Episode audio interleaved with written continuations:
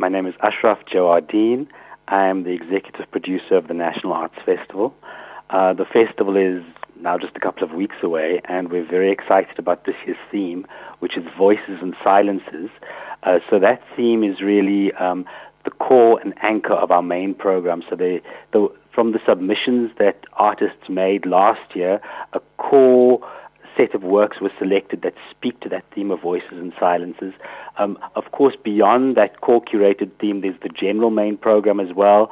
There's the whole fringe. Uh, so we're looking at about two and a half thousand items on the program over 11 days. Um, some of the highlights for this year, of course, are our featured artist, who is Mamela Nyamza, who will be presenting three works. Uh, we also have our six Standard Bank young artists in all of the different disciplines. Um, and then we have the various festival platforms such as uh, Spirit Fest. Uh, there's a new Lit Fest uh, platform as well. And of course, there's the Children's Theatre Festival. So the, it's a festival of many festivals. The interesting thing is that you also brought a few Afrikaans pieces back to the festival this year. I'm so pleased. Last year, um, I saw Reuk van Appels at the KKNK, and I felt so strongly about the work that at that very late stage, I invited uh, I think the, the theatre rocket uh, to bring to bring the work to uh, the 2017 festival. Also at last year's festival, I saw uh, Monsieur Ibrahim and the Blomme van die Quran uh, with David Minnaar, directed by Philip Rademeyer and I have twisted uh, Hugo Theart's arm, and we're going to be bringing that to this year's festival. So I'm very excited about that. For me, it's very important that the festival reflects the diversity of language and culture in South Africa. Um, over the years, we've seen a slow decline in Afrikaans work, and for me, Afrikaans is one of the many multiple languages that need to be celebrated uh, on our festival platform. So I always try and ensure that we have at least one strong Afrikaans item. I w- would like to see a much more multidisciplinary, multi-language festival um, in future years, but baby steps. Um, I'm really happy that we finding these Afrikaans gems in partnership with the KKNK to present, and hopefully we can formalize that going forward. What are the highlights for you for this year's main program? What are the things that people need to book for or need? I know you can't really, uh, you know, take out one or two, but just just a few highlights from your side. Really, very excited um, about our partnership with Pro Helvetia, the Swiss um, National Arts Council this year. They're bringing uh, the new work by Boris Nikitin. Uh, it's a solo Hamlet, which is very exciting. It's a multidisciplinary solo Hamlet uh, which I'm looking very forward to. I'm a great fan of Shakespeare, and it's our Shakespeare offering for this year.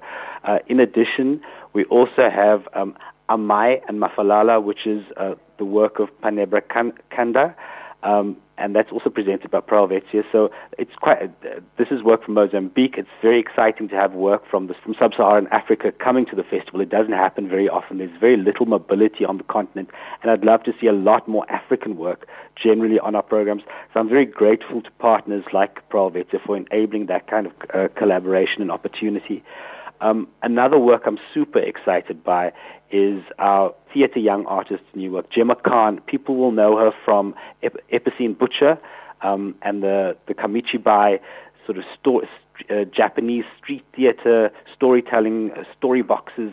It's a very exciting form, and she's doing a new work called The Borrow Pit, so I'm very excited to see what she's going to be delivering. Uh, we also have uh, Cape Town City Ballet on the bill for the first time in about four or five years. And I, I think for a lot of our loyal legacy uh, audiences, it's really nice to have a full-scale classical ballet on the program. I mean, the, the dance program this year is phenomenal because as a counterpoint to those sorts of classical programming points, we have a, a very robust and exciting program of, of dance. We have Cape Dance Company on the bill. We have Moving into Dance. Um, we also have the Forgotten Angle Theatre Collaborative uh, working with our featured artist Mamela. Uh, we have the State Theatre with that wonderful work Q, which uh, which is all about water. Uh, Q premiered at the State Theatre for only a week last year, so I'm really happy that the festival platform is able to give this extraordinary piece new life. I'm also very excited about Jay Bowers' um, new work, which is Jungfrau, based on the Caine Prize Award-winning uh, short story by Mary Watson uh, which has been adapted for stage by Amira Patel. Uh, Jay did such extraordinary work during her young artist um, year at the festival with Scorched. So I'm really looking forward to that. The University of Johannesburg is having a new showcase on the main program as well, which is a selection of four new uh, works in development and one of those is A City by Greg MacArthur. Another one is um, At the Edge of the Light by uh, Wyn Dadswell. Uh, we also have a new piece, uh, an international piece by Johan Dun, an international piece. Uh, it's an international collaboration between Sweden and Zimbabwe and South Africa.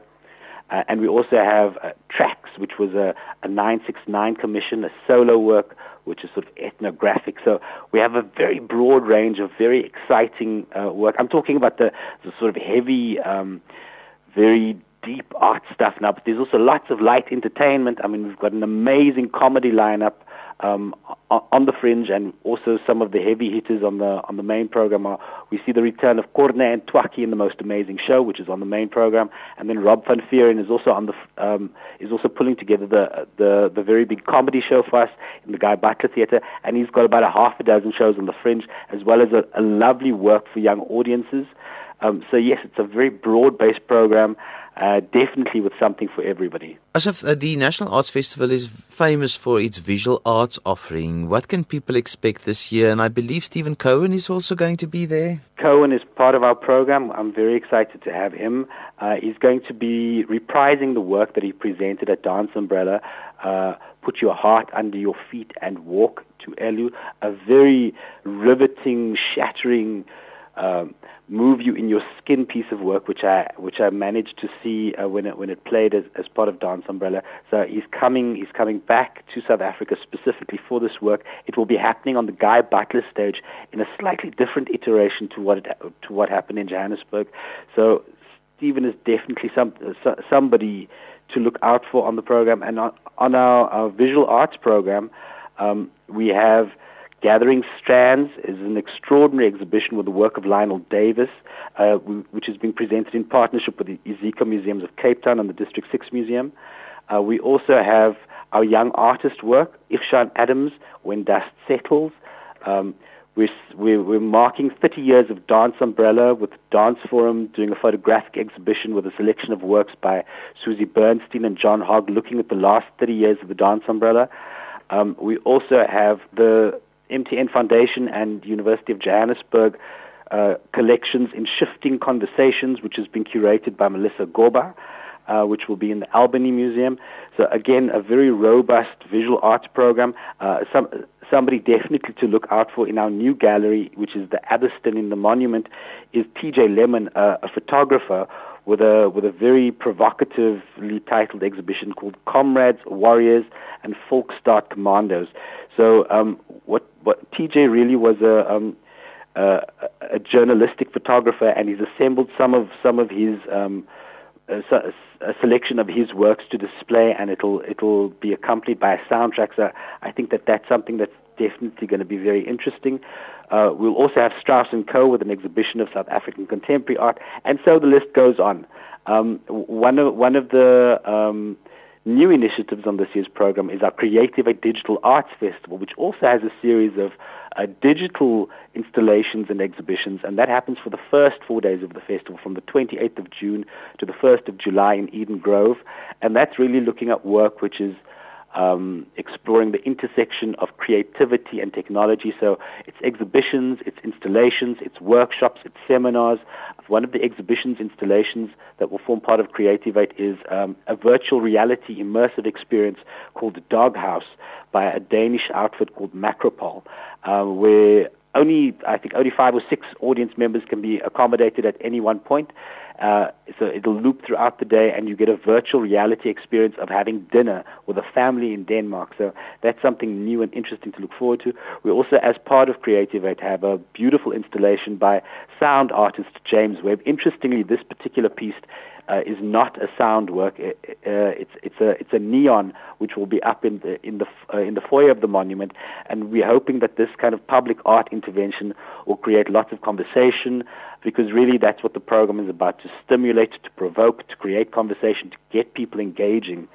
Um, we also have the arena platform with some very interesting uh, works uh, by former Standard Bank uh, Ovation Award winners.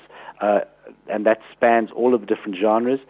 Also on the main program, we've got African Gothic, uh, which is a, a Reza de Diepe Grond in translation, uh, and, th- and, that uh, makes its premiere at the festival, uh, directed by Albie Michaels. I think that's going to be very exciting as well.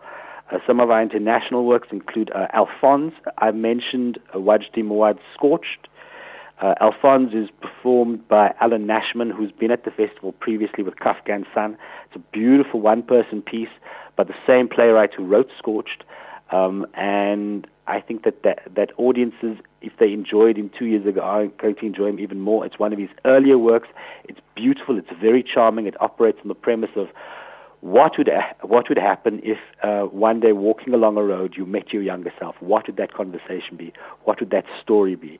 And really, uh, th- that's a theme that sort of goes through all of the all of the items on the program. Is what uh, a sense of story, a sense of giving voice to stories, um, finding stories that are unique, finding stories that uh, giving giving voice to to stories that have been silenced I think that uh, that it's going to be a very exciting program this year.